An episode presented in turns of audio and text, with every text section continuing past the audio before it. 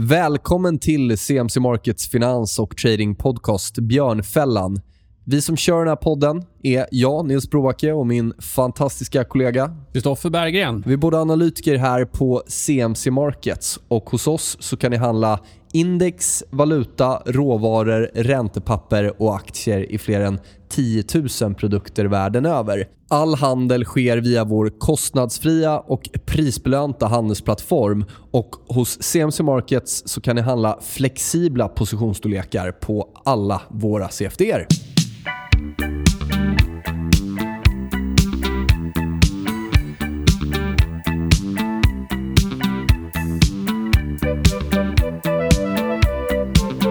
Avsnitt 29 av Björnfällan är igång och idag har vi ett litet dubbelavsnitt kan man väl säga. Exakt. Vi har en intervju som blev betydligt mycket längre än vad vi trodde och eh, väldigt intressant. Så vi tänkte vi delar upp den här i två istället. Ja, och här kommer del 1.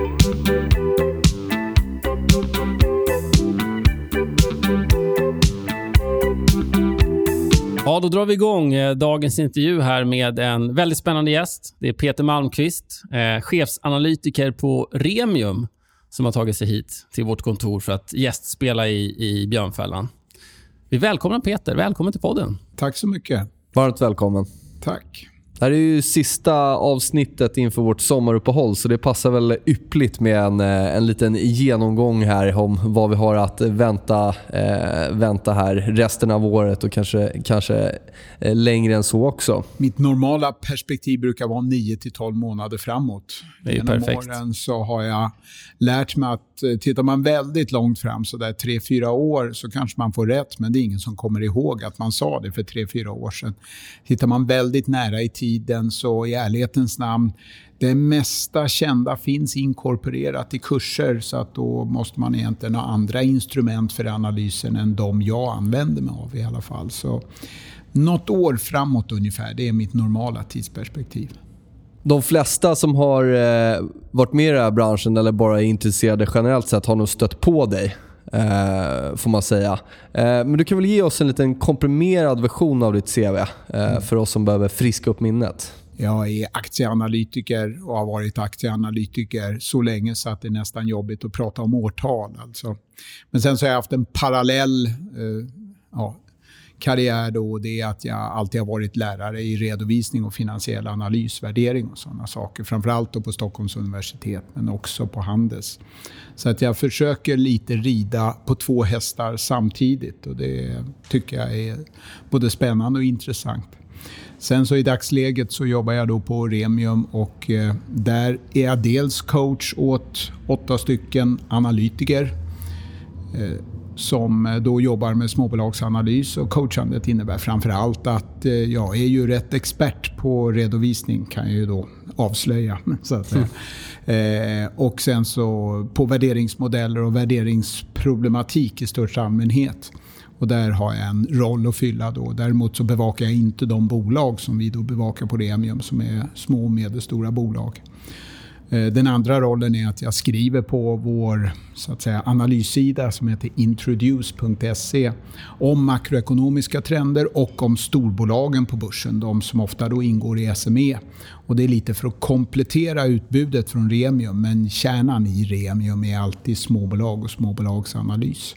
Så komprimerat är det väl ungefär vad jag, vem jag är och vad jag sysslar med. Är det alltid småbolagsanalys du hållit på med eller tidigare i karriären tittat på större bolag?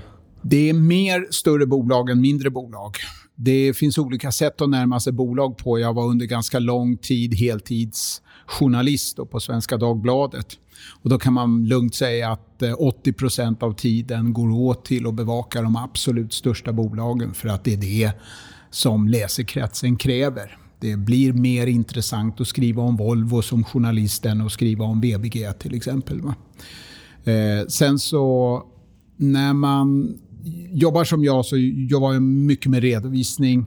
Och som redovisningsspecialist så kommer jag då in på väldigt många mindre och medelstora bolag. Men ur ett speciellt perspektiv, nämligen hur bra är de på att beskriva sin utveckling?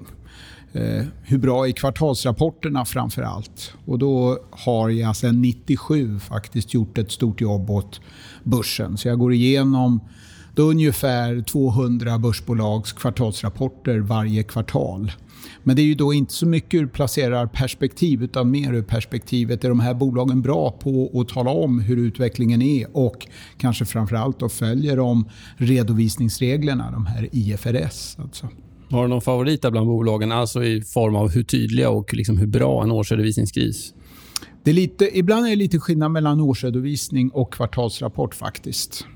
Eh, men jag tror till exempel att de flesta skulle hålla med om bland storbolagen att ett bolag som Atlas Copco är väldigt eh, lättillgängligt. Det är väldigt lätt att följa deras trender. De är väldigt homogena. De ändrar inte segment och annat i onödan. De är tydliga med valutainformation. De är tydliga på att separera total tillväxt i omsättning från valutadriven tillväxt och så vidare. Så att Atlas Copco är alltid ett bolag som brukar nämnas och som jag också gärna nämner. Sen har vi mindre bolag. Ofta är de här råvaruorienterade mindre bolagen väldigt bra på att beskriva sin utveckling faktiskt. Eh, ta ett, ett, bolag som Rottneros. Eh, deras rapportering är nästan lite som en konjunkturindikator för den som vill följa råvaran. Då, eh, ja, pappersmassa om man tar det i vid bemärkelse till exempel. Men det finns många mindre och medelstora bolag som har väldigt bra rapportering. Sen har jag väl sett exempel på rätt usel rapportering också eh, i de absolut minsta bolagen, Aktietorget, First North och så vidare. Eh, och det är nog inte så mycket för att bolagen vill luras eller någonting sånt utan det är helt enkelt för att de inte riktigt har grepp om hur man ska göra faktiskt. De bolag som är dåliga på att rapportera, det är en minoritet i Sverige. Och det faktum att alla, nästan alla även på First North och, och näraliggande eh, listor då, eh, faktiskt lämnar kvartalsrapport. Det underlättar otroligt för en analytiker att bevaka bolaget. Den kontinuitet som kvartalsrapporten ger plus att vi får då hela rapportpaketet med resultat och balansräkningar, kassaflödesanalyser en gång i kvartalet. Det skapar faktiskt en otroligt bra säkerhet i utvecklingen. Det innebär inte att vi alltid prognostiserar rätt. Men eh, jag skulle påstå att eh, överraskningarna när de kommer de är betydligt färre eh, än vad de skulle vara om vi hade längre tid mellan rapporterna, till exempel varje halvår. Alltså. Finns det några tydliga historiska exempel där, där du har sett att en dålig transparens eller något du inte tyckte var bra i, i kvartalsrapporter och tittat på och sen även att det har återspeglats i, i, kurs, i kursen? Det är väldigt svårt Eh, att dra redovisningsdata ner till en börskurs. Till att börja med så måste man ner på kvartalsdata. Tittar man på forskning i redovisnings eh, så att säga, problematik och kopplat till då börskurser så blir det nästan alltid årsredovisningsbaserat till exempel. Och redan där så brister det för att kurser reagerar inte på årsdata. De reagerar på i bästa fall då kvartalsdata. Va? Så det är extremt svårt. Jag har inte några tydliga exempel. Men jag kan dra ett exempel då som visar att, att det är lätt att luras med redovisningsdata och, och det var HQ Bank jag följde dem som, ett av, av, som e, en av bankerna då på börsen under ja, dess tid. Det var tio år som de låg på börsen. Och jag gick igenom deras rapporter och jag kunde se vad VD skrev, att den här tradingen som sen fällde dem var på väg att så att säga, minimeras och att det var mer så att säga, kundrelaterad trading som de sysslade med och inte trading i egen bok. Jag kunde också konstatera att de hade en hel del derivat som de värderade enligt en egen modell. Men eftersom jag inte kunde hitta några uppgifter om siffrorna och parat med vad VD då skrev att det här är nu inte trading i egen bok längre utan kundrelaterad verksamhet så tog jag ganska lätt på att typ 80% av derivaten då var värderade, inte till marknadsvärde utan med en egen modell. Va? Och Det var just de 80 procenten som sen Finansinspektionen kunde konstatera då var grovt övervärderade. och När de då skulle sälja ut dem så på två och en halv månad så gör de en förlust som sopar bort hela egna kapitalet i banken. Jag tycker det illustrerar, jag är ju som sagt redovisningsexpert, alltså illustrerar att kombinationen som ett företag kan ha med diffus information, man uppfyller kanske då lagens krav genom att säga att vi har 80% av derivaten värderade enligt en modell. Men man vill inte gå längre, man lämnar inte siffrorna, man visar inte hur stor andel av resultatet som då var uppvärderat med de här derivaten. Och sen så kopplat till då att en VD i kvartalsrapport efter kvartalsrapport eh, deklarerar att eh, den här tradingen som ju hela tiden var på tapeten när det gällde HQ, alltså att den tradingen den var på väg att minimeras, den var på väg att hela tiden vara kundrelaterad. Och begreppet kundrelatera skickar ju signalen att vi, vi håller inte på att späcka i egen bok här utan vi gör bara sånt som kunderna har talat om för oss att göra. Och gör vi ena grejen så finns det en kund i andra grejen som egentligen tar över risken efter en väldigt kort period. Va? Och det där lurade mig rätt ordentligt och det är uppenbart att det lurade hela marknaden. Ja, du var inte ensam där. Så trots din gedigna kunskap där så... Eh, sen är det klart att det har skett, jag antar att det har skett lite förändring där om man tittar på hur man värderar derivat och kanske framförallt att man går med en mark-to-market-värdering än, än att, att det var lite, lite otydligare innan. Eller skulle du säga att vi har samma problematik idag med, med en stor eh, stor OTC-marknad där vi har ganska dålig koll på hur, hur de här derivaten faktiskt ska värderas. Och vi kan ta Deutsche Bank som exempel som bara var för något år sedan. Här. Idag är informationskraven ännu högre än de var då. Idag är till exempel informationskraven att du kan inte bara skriva att Eh, 80 procent värderas enligt en modell utan du måste också ange vad den modellen har resulterat i för värdering, hur stor den orealiserade vinsten och så vidare är. Och då kan man säga att då hade ju många dragit öronen åt sig för då hade ju vinsten visat sig vara orealiserad mer än 100 procent under i alla fall tre års tid. Va? Så att med den information som har kommit efter det så hade nog inte HQ Bank kunnat fått den katastrofala utveckling som det fick utan informationen hade kommit upp på bordet tidigare. Men det är också ett exempel på hur eh, såna här redovisningsregler då hela tiden lär sig av verkligheten. Nu ska jag inte påstå att HQ Bank på något sätt har varit en input i när då IASB vidareutvecklar redovisningen för derivat, om man nu kallar det för det. Men sånt här händer ju även på andra ställen, Absolut. även om det inte går så långt som att en hel bank går i konkurs Eh, till följd av att vi luras av hur man har informerat om derivat och informerat om utvecklingen. Alltså. Så det borde vara li lite säkrare idag om man dels tar att egenhandeln är, är borta eh, från bankerna och eh, också att kraven då har ökat. Det, det, är definitivt säkrare, det skulle jag säga. För att du får information som är bättre idag än du fick då 2010 som var sista året som HQ var med. Va? Men annars är just banker ett område som eh, jag tittar väldigt noggrant på för att det är ungefär en tredjedel av den samlade börsvinsten. Och en av de faktorer som är komplicerat idag när det gäller banker, till exempel när vi diskuterar eh, så att säga, räntans betydelse för bankernas utveckling. Vi har ju länge sagt att eh, räntan som är så extremt låg gör att bankerna har väldigt svårt att tjäna pengar och så vidare. Ja, bankerna jobbar kontinuerligt med räntederivat. Alltså det man ser i fastighetsbolagen som när räntan faller som en kostnad, det dyker upp hos någon annan som en intäkt. Och den är någon är då ofta en bank. Och det är klart exakt hur de derivaten sen, eh, ska vi kalla det för, smetas ut över tiden. Det är ganska diffusa redovisningsregler för det faktiskt. Och Då kan man nog säga så här att eh, de förluster som dyker upp direkt i fast, till exempel då, framförallt mm. fastighetsbolagen via de räntederivat som de arbetar med. De dyker upp över tiden som vinster när räntan faller i bankerna. Så ur det perspektivet så finns det fortfarande kvar. Derivat är alltid en strulighet när man kommer till finansiella institutioner eftersom balansräkningen är gigantisk och en hyggligt stor portfölj av derivat kan döljas i den här gigantiska balansräkningen. Då behöver det inte vara som Deutsche Bank. De är ju nästan en enda stor tradingportfölj. 80 procent av tillgångarna ligger ju X utlåning till exempel. Utan även i vanliga banker så skapar då de här derivaten alltid förskjutningar i vinster och förluster. Och Det skapar osäkerhet. Alltså. Har du någon åsikt där? Det var ju väldigt mycket prat om, var det något år sedan om Deutsche? Det var extrem oro kring att de skulle gå i putten och så vidare och dra med sig massa andra saker. Har du någon, några tankar kring hur det är ställt med Deutsche? Jag försöker följa deras utveckling. Eh, bland annat för att det är ett extremt exempel på där eh, då skadestånd och liknande faktiskt vräker nästintill en av världens största banker över ända. Va?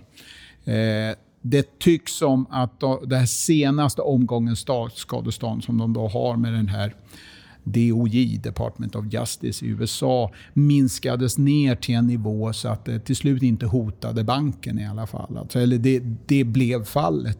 Sen vet man ju inte, de, de senaste tre åren så har de haft en accelererande, även nu då med det här nedreviderade så att säga, skadeståndskravet från USA, så har de ändå haft en accelererande trend av skadestånd. Och det är klart att det var ju det placerarna då såg. En gång, ingen gång. Två gånger börjar bli en trend. Tre gånger, då har vi definitivt en trend. Och den tredje gången var då det absolut största. Det var ju helt absurda skadeståndskrav som den här Department of Justice då ställde på Deutsche Bank. Så att det är fort, jag skulle säga att det är fortfarande ganska osäkert, men på något sätt så kom skadestånden upp på en sån nivå så att det började hota banken och då började det hota en av, eller inte en av, utan Tysklands största bank. Och då kommer på ett eller annat sätt politiker in i bilden och sen skulle jag då säga att då kanske det i sin tur då dämpar amerikanernas ja, ska vi säga, skadeståndsiver som de ju har. Det vet vi ju till exempel via Telia också.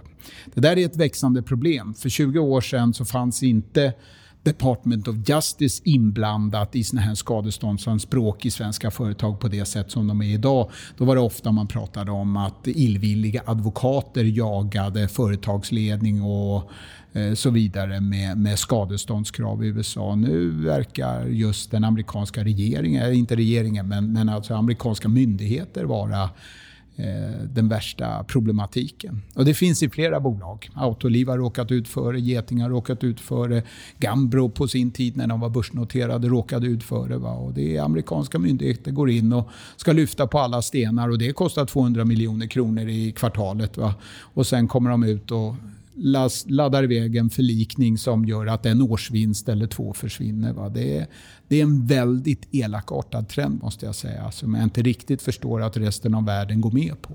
En bankanalytiker eh, som jag känner menar på att det reella värdet på Deutsche borde vara noll. Tror du att det kan gå så illa?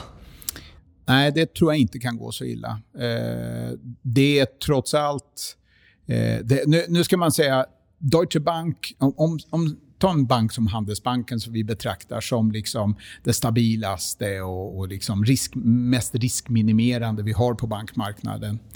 Eh, av deras verksamhet, deras balansräkning, kanske ungefär 70% eller någonting sånt är utlåning. Vanlig traditionell utlåning. Mm, gamla och tråkiga inom situationstecken. Gammal tråkig eh, inom situationstecken. Och, och i, i Sverige merparten då alltså till bostäder. Va? Eh, I Deutsche Bank är det det omvända. Det är liksom 80% finansiella instrument och sen så är det då eh, 20 utlåning. Och det är klart, det skapar ju en risk som är mycket svårare att överblicka för en analytiker. Nu är det inte primärt den analys risken som har pressat ner kursen till de här extremt låga nivåerna som det då var ett tag. Utan det är ju just den här skadeståndsprocessen som är efterdyningar från finanskrisen 2008. Jag vågar inte så att säga friskförklara Deutsche Bank så länge Department of Justice kommer med den typen av förlikningsförslag och annat som de gjorde här då för ett halvår sedan var det väl ungefär. Eh, men det eh, skulle vara en sensation tio gånger större än Lehman Brothers om Deutsche Bank gick i konkurs. Alltså det, det Den motpartsrisken eh, kan ju bli rätt svettig. Ja, alltså den, den, risken, rätt och slätt, är oöverblickbar. Mm. Jag såg en bild tror jag, där det var vilka företag eller länder och så vidare som var, hade någon koppling till Deutsches så att säga, balansräkning. Och det var, ja, det var linjer över hela världen och det var extremt många företag som var inblandade. Så att det inte smäller en så smäller inte bara en, då smäller nog flera. så att säga. Det mycket handlar om det är ju att ska såna extremt systemviktiga banker kanske finns tio i hela världen högst. Ska de då inte behöva ha extra mycket kapital? ska de inte behöva ha extra mycket compliance eller sån här riskövervakning och så vidare. Och eh, ja, frågan är en politiker idag så säger alla jo, det ska de. Mm. De säger väl att det redan är gjort va? ja, det, alltså, jo, det, det är klart så snabbfotat som då det här amerikanska justitiedepartementet jobbar så verkar ingen riktigt hinna med att bygga upp kapitalbuffertar om man verkligen har fått dem på halsen. Nu är inte Deutsche den enda. Det är även schweiziska banker och brittiska banker för att inte tala om de inhemska bankerna i USA då också. Va? Men eh, alldeles uppenbart är att det är svårt att parera och det är ännu svårare för jurister och och eh, bedöma eh, sannolikheten för att sånt här ska inträffa. För det går ju aldrig till domstol. Allting förlikas, locket läggs på och ingen kan lära någonting. Utan det utvecklas en gigantisk summa pengar och ingen får prata om det här i fortsättningen. Det är ett rättssystem som är helt annorlunda än det, det europeiska. Där vi ju tar det till domstol. Det kanske tar då 15 år, vilket i sig är en problematik. Då, va? Men efter det så har vi ett domstolsutslag. Vi har liksom rättens så att säga, olika överväganden för att döma som de har gjort. I en amerikansk förlikning får ingen prata om någonting. Och följaktligen så kan vi inte riktigt veta vad det var som exempelvis Telia exakt gjorde fel. För att det får de inte prata om. Alltså. Och det vill av naturliga skäl då inte heller amerikanska justitiedepartementet prata om. Och det är därför det blir som en mjölkkossa. Ingen vill råka ut för det här, men ingen vet egentligen heller hur de ska kunna parera det. Och istället blir det då London och New York-advokater som tjänar 10 000 kronor i timmen på att försöka så att säga, spå i eh, aska i princip för att för, guida företag och banker undan då den typen av överväganden. Volkswagen är ju då kanske ett annat exempel, så det är inte bara i finanssektorn. Om vi blickar upp och tar lite annat fokus här. Det, låga räntor har vi haft länge, länge. Eh, och eh, värderingen på börsen har ju, på börserna runt om i världen rör sig sakta uppåt konstant hela tiden. Eh, vissa säger att börserna börjar bli övervärderade. Andra säger att nej, men det är så låga räntor så att det är acceptabelt med en högre värdering. Vad, vad är din syn på det där med räntan i relation till vad som är en okej värdering? Båda har räckt. Alltså det är det som är så jobbigt i dagsläget. Om jag tittar på värderingen i förhållande till ränteläget Även om jag tar det amerikanska ränteläget som ändå nu börjar bli hyggligt normalt så är det fortfarande lågt, väldigt lågt i ett historiskt perspektiv. Då går det nästan att motivera vilka värderingar som helst.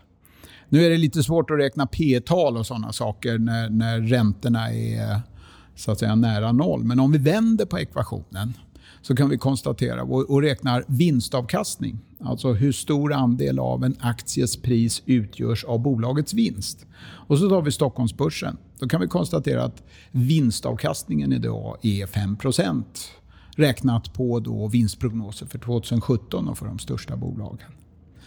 Vad är det då mycket eller lite? I ett historiskt perspektiv det är väldigt låg vinstavkastning det bör ligga någonstans på 7,5-8 om vi tittar på den historiska utvecklingen och så vidare. Men det är klart 5% i förhållande till en 10-årig statsobligation på ja, nu eller kanske 0,5-0,7% den svenska. Då, va? Det är ju en stor fin avkastning. Så är det högt eller lågt värderat? Nej, det är ner till 0,5 är det ju lågt värderat när det börjar komma nära, närma sig det och så vidare, ja då skulle det vara högt värderat. Så kan vi vända på steken. Och så kan vi säga, vad är det då som i långa loppet styr om vi har hög eller låg ränta? Ja, det är ju inflationstakt. Ja, men det har vi ju ingen längre i den globala västliga ekonomin. Jo då, den lever och frodas.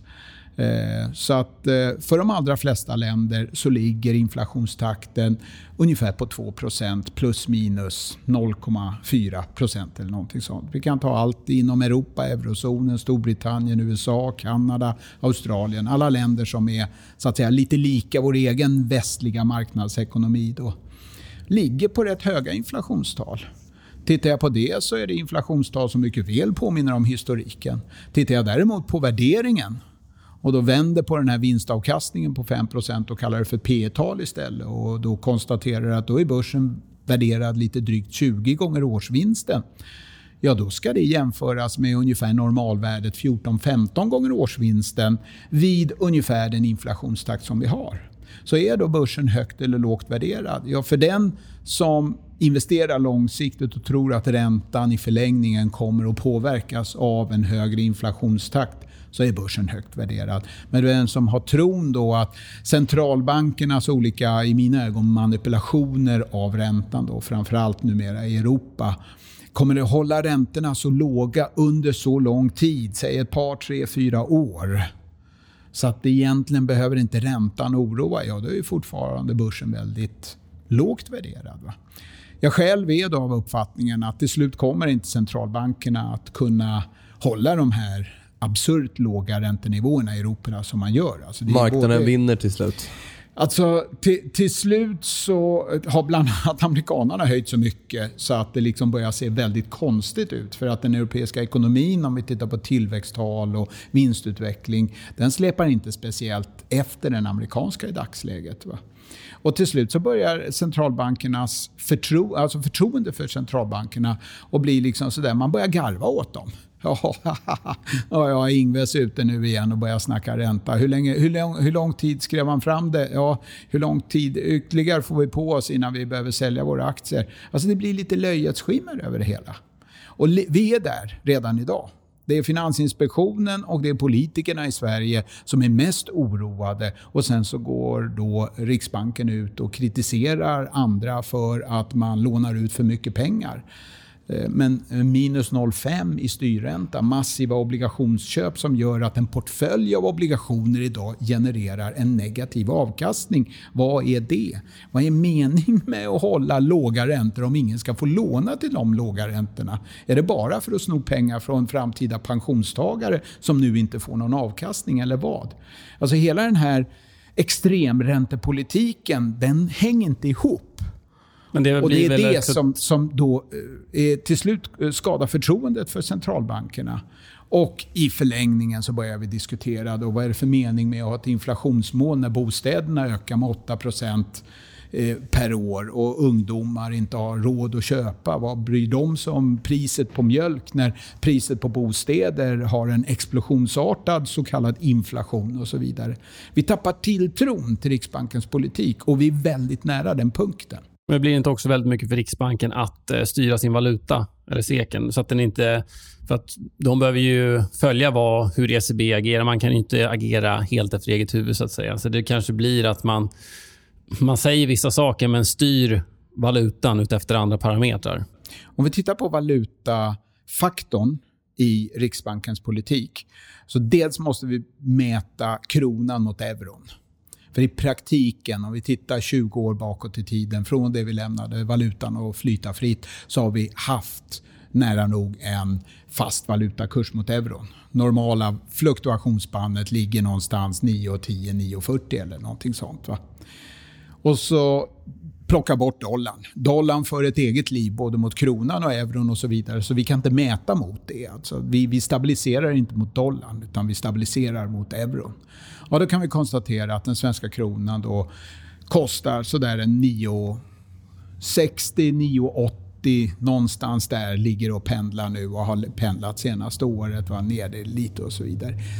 Är det någonting som har betydelse? Ja, jag skulle säga absolut. Alltså det är så försumbart.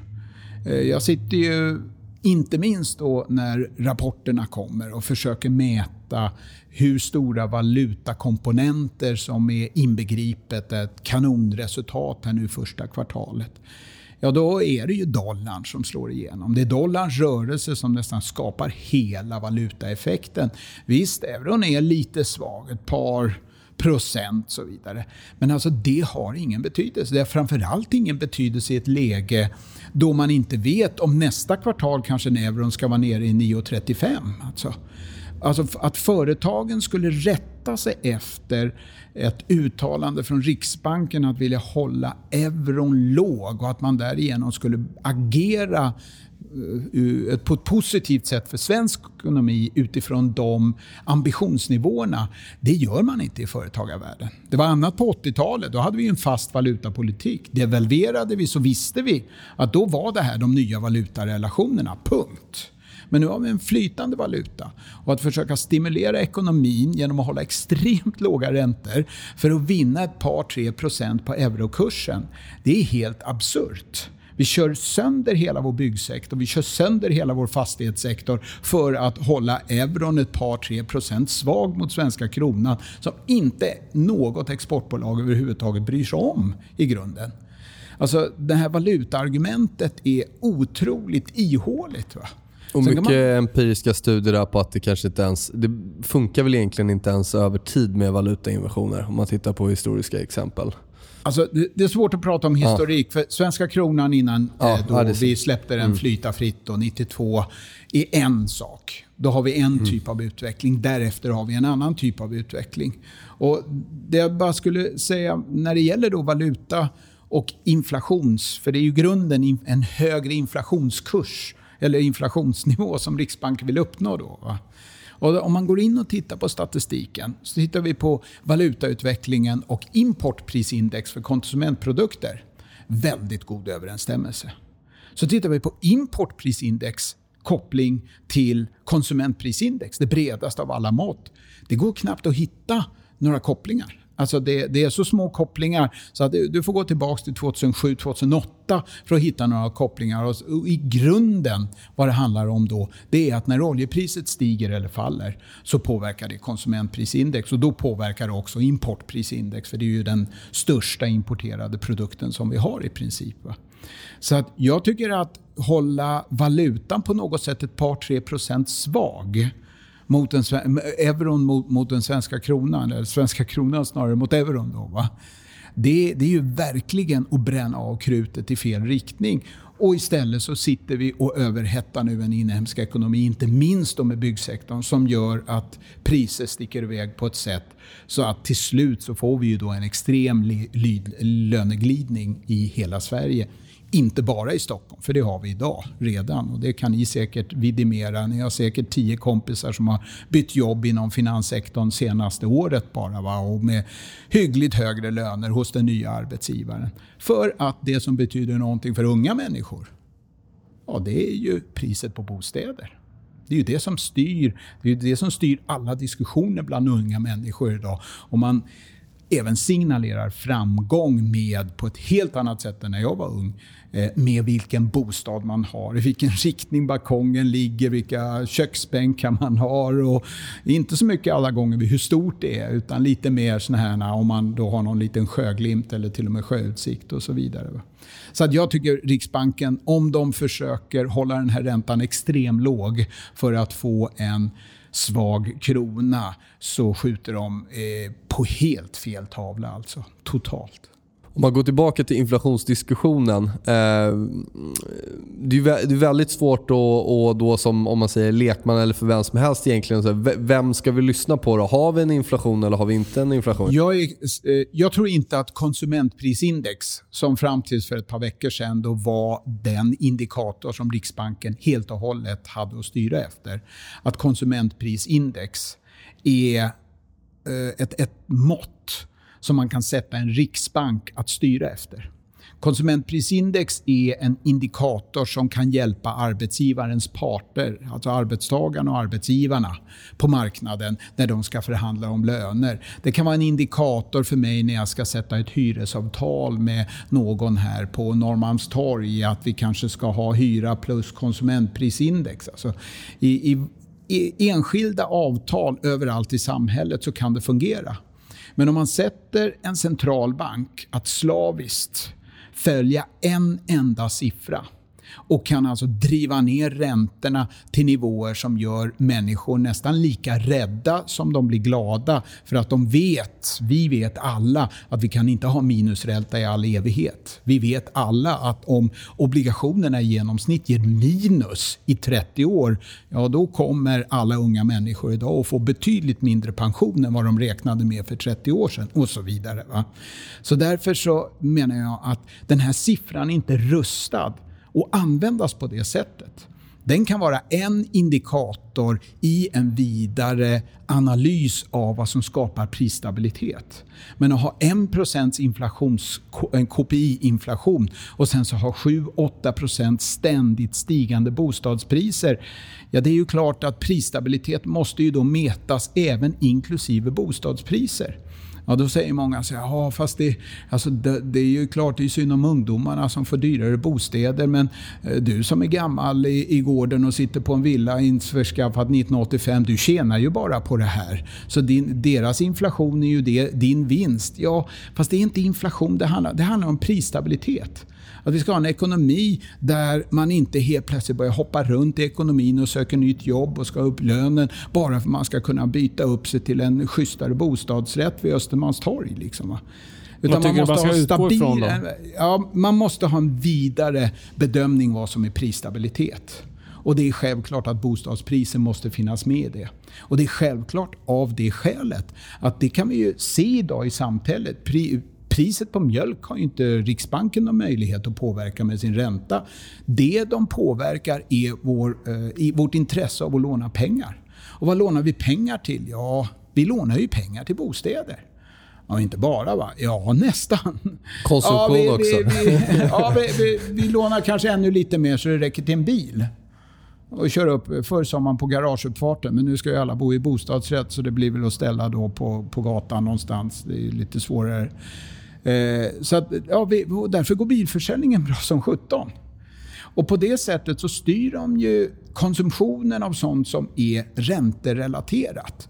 Och så hoppas man att när den konsumtionen har fått så jäkla bra fart så ska det naturligtvis spilla över i resten av ekonomin och så börjar vi anställa människor och så betalar vi ut löner och så börjar lönerna stiga och så börjar priset på mjölk till slut stiga också. Men det är en himla lång väg att gå för att liksom hamna på att priset på mjölk också ska börja stiga. För det är då egentligen konsumentprisindex börjar stiga till exempel. Det finns andra medproblem också. Det har då Riksbanken nu tagit i och det är ju det här, eh, kan vi ha ett mått som till så stor utsträckning som det breda konsumentprisindex påverkas av Riksbankens eget agerande. Och då pratar jag om bo komponenten, boendekostnaderna, där den viktigaste komponenten är räntekomponenten. Då, Ja, då har man nu sagt att ah, vi ska nog kanske titta mer på ett index där vi inte väger in boendekomponenten.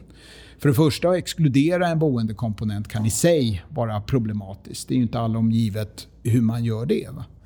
Men också eh, så kan man ju då konstatera att eh, det är ju så att om räntorna går ner för vissa och det är en lättnad så finns det ju de då som blir av med pengar, nämligen de som sparar i räntebärande produkter. Ja, men det är väl ingen som gör? Jo, Sveriges pensionärer, inte minst då via livförsäkringsbolagen, via AP-fonderna, sparar i räntebärande produkter i väldigt stor utsträckning. Det är en grupp som går miste om pengar. Okay. Hur, hur ska vi i inflationsmätningen kunna väga in räntekostnadernas nedgång, men inte den uteblivna ränteintäktens nedgång. Eh, ja, det här, nu börjar det bli jäkligt komplicerat. Jag tycker vi ska gå till nästa fråga. är ungefär det som man brukar hamna i när man hamnar i det här. Det finns andra exempel också på konsumentprisindex vad jag skulle säga, det, det, det, det, är en beräkning. Den är inte rustad för att användas på det här sättet som vi gör i dagsläget. Va? Elektronik och priset på elektronik är en sån faktor.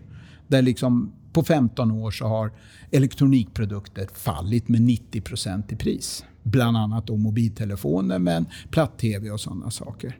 Ja, det har det ju inte. För går man ut i en butik och tittar så ser ni ju att det kostar mellan 5 och 7 000 att köpa en hyggligt schysst modern mobiltelefon. Ja, det som har gått ner är ju liksom att det ni får i handen idag är någonting helt annat än för 15 år sedan. Men okej, okay, ja det får jag. Men hur många av alla de som köper en ny mobiltelefon använder så värst mycket mer än vad de använde för 15 år sedan? Jo, men man surfar ju ändå lite på nätet och så vidare. Ja, det gör vi. Va? Och så. Alltså ibland känns det som att vi teknikjusterar produkter när vi mäter inflationen på ungefär samma sätt som om biltillverkarna tar fram bilar som går, kan öka topphastigheten från 300 km till 450 km i timmen så har vi fått billigare bilar. Men vi har ingenstans att liksom köra bilarna. Va? Och allt det här kokar ner i att prismätningar, det här eh, liksom prisstabilitet som då är Riksbankens centrala mål, det måste på något sätt mer diskuteras fram än att man fäster sig vid konsumentprisindex. Nu är inte Riksbanken på något sätt enda syndaren, utan det här görs världen över. Och det kommer leda i förlängningen till alldeles för låga räntor världen över och till slut så får vi en bubbla som spricker inom inte bara bostäder då, utan även kommersiella fastigheter med höga vageransgrader. Och då ska vi på något sätt rädda det här. Och det är inte så lätt, för då finns det helt plötsligt inte folk som är intresserade av att betala de hyror, betala de priser för bostäder som bostäder bjuds ut. Och denna överhettning vi pratar om på bostadsmarknaden, den försvinner på nolltid. För helt plötsligt bor alla ungdomar kvar hemma ett år längre. Och då bara puff, försvinner hela överefterfrågan i princip. Va? Så att jag är för en, en mycket bredare diskussion av vad som är prisstabilitet. Och det, det är jag väl kanske eh, hyggligt ensam om, men, men, inte bara. För att eh, det är många som betraktar den här räntepolitiken med minusräntor som någonting som bara är ett ogenomtänkt experiment. Och jag tycker att det är ett ogenomtänkt experiment tyvärr. Alltså. Om vi då pratar ekonomisk data, har du några eh, alltså favoritindikatorer om vi kollar på den hårda datan och den mjuka datan? Något som du tycker investerare måste kolla på? Då kan man dela in det egentligen i två grupper. Dels då vilka ekonomiska data verkar påverka placerare i största allmänhet?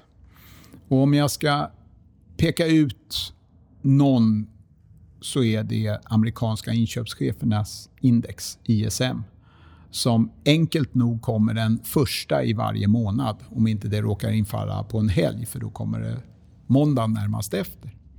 ISM har funnits och beräknats sedan 1955, tror jag det är.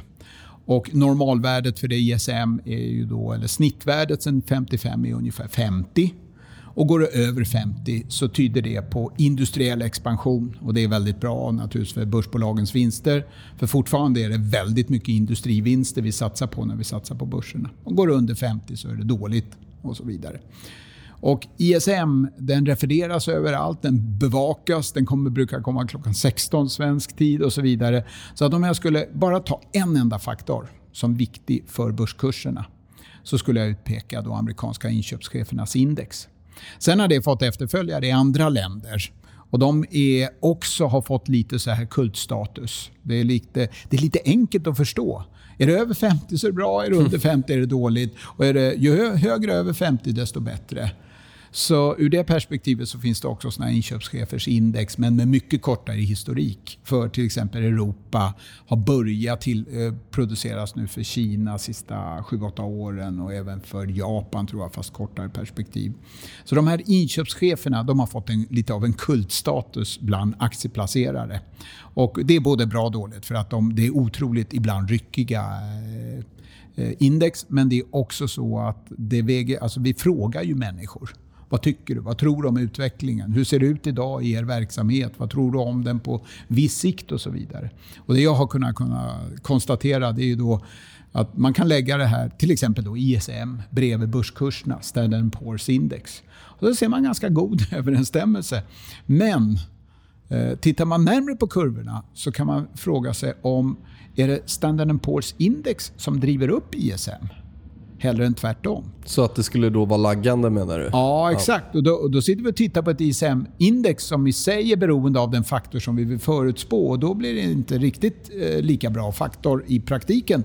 Men återigen, frågar du mig väcker du mig mitt i natten och frågar mig vilken indikator tycker du är viktigast för börsplacerare av all den globala makrostatistik du sitter och tittar på, då skulle jag svara ISM. Alltså. Har relevansen förändrats där skulle du säga? Var den mer relevant tidigare eller?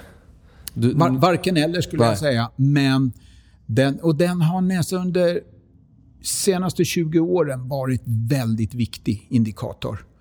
Så att ur det perspektivet så skulle jag säga att den, den har varit viktig, den fortsätter att vara viktig och jag, prognosen är då att den kommer att vara viktig. Sen är det inte så att den talar om sanningen. Det är min, min poäng. Alltså. Utan då har jag tre indikatorer som jag försöker följa. Jag har svårt att bara fästa mig vid en. Men skulle jag ta bara en och då väger jag in att all makrostatistik, vi, vi, diskuterar ju aldrig om den är trovärdig eller ej. Vi diskuterar aldrig hur den beräknas eller någonting sånt. När vi får ett bolagsvinst så sitter vi och ja men här var det inklusive omstruktureringskostnader och x nedskrivningar och det är plus och minus. Och det är väldigt mycket diskussion om hur själva vinsten är sammansatt. Det existerar inte med makrostatistik. Siffran kommer, alla tar den så att säga som en sanning och sen så går vi vidare. Och då finns det en siffra faktiskt som jag upplever som sannare än många andra siffror. och Det är bilförsäljning. Och bilförsäljning har två eh, väldigt eh, bra fördelar. Det ena är att vi vet vad vi pratar om. Det är en väldigt homogen produkt. Det är en av världens absolut viktigaste varor. Det är också en mätare på konsumentförtroende. När konsumentförtroendet är högt så går vi och lånar och köper en bil och så vidare. Och så är det en statistik som räknas med väldigt god precision, väldigt låga revideringar och så vidare. Så bilförsäljning försöker jag följa då månad för månad och eh, det har visat sig, tycker jag, vara en väldigt god indikator. I dagsläget kan man då konstatera att den amerikanska bilförsäljningen är allt svagare. Medan den europeiska är väldigt stark. Och eh, Det tycker jag väldigt tydligt illustrerar, även, även den brittiska, även om den har börjat mattats något. Alltså. Och det tycker jag ganska tydligt illustrerar eh, faktiskt eh, styrkeförhållandet mellan Europa och USA vad det gäller tillväxttrender. Att den inhemska ekonomin i USA kan nog mycket väl vara på väg att mattas faktiskt. Medan den europeiska fortsätter att vara på väg upp för vi startar från en Är det då man ska nivå. börja sin räntehöjningscykel i USA som man nu har börjat dutta med i alla fall? Ja, det kan man fråga. Då är det så att då finns det andra parametrar då i den makroekonomiska portföljen som går uppåt ganska ordentligt i USA. Då, då Federal Reserve tittar ju väldigt mycket på sysselsättningen. Nu har den också börjat mattas och Följaktligen så har vi en diskussion kring den amerikanska ekonomin och kring de amerikanska räntehöjningarna om det är vettigt att då höja på det sättet som de gör. Men då ska man ju också lägga in i bilden att de har ju en inflationstakt strax under 2% även om den är svängig. Så att de kan ju inte ligga med den inflationstakten, god sysselsättning och till exempel bara titta på bilförsäljningens utveckling. Sen det här ISM-index som jag pratade om tidigare, det var, gick rakt igenom taket efter eh, den nya presidentens då, eh, så att säga, blev vald. Eh, även om det också har mattats de senaste tre månaderna så ligger det fortfarande på en väldigt hög nivå. Alltså. Men bilförsäljningen är en god indikator som jag försöker följa. Finns även för Kina där den indikerar en stark inhemsk ekonomi just nu. Alltså. Ja, det var del ett av den här intervjun eh, och vi kommer väl släppa del två här om eh, en vecka ungefär va? Absolut. Vi kör, eh, vi kör det redan nästa vecka, fredag, så kommer del två. Så vi tackar för den här gången. Frågor och funderingar tveka inte höra av er till oss. Som vanligt så hittar ni oss på Soundcloud, iTunes och diverse andra podcastspelare. Ja, då tackar vi för oss. Tack. Hej då.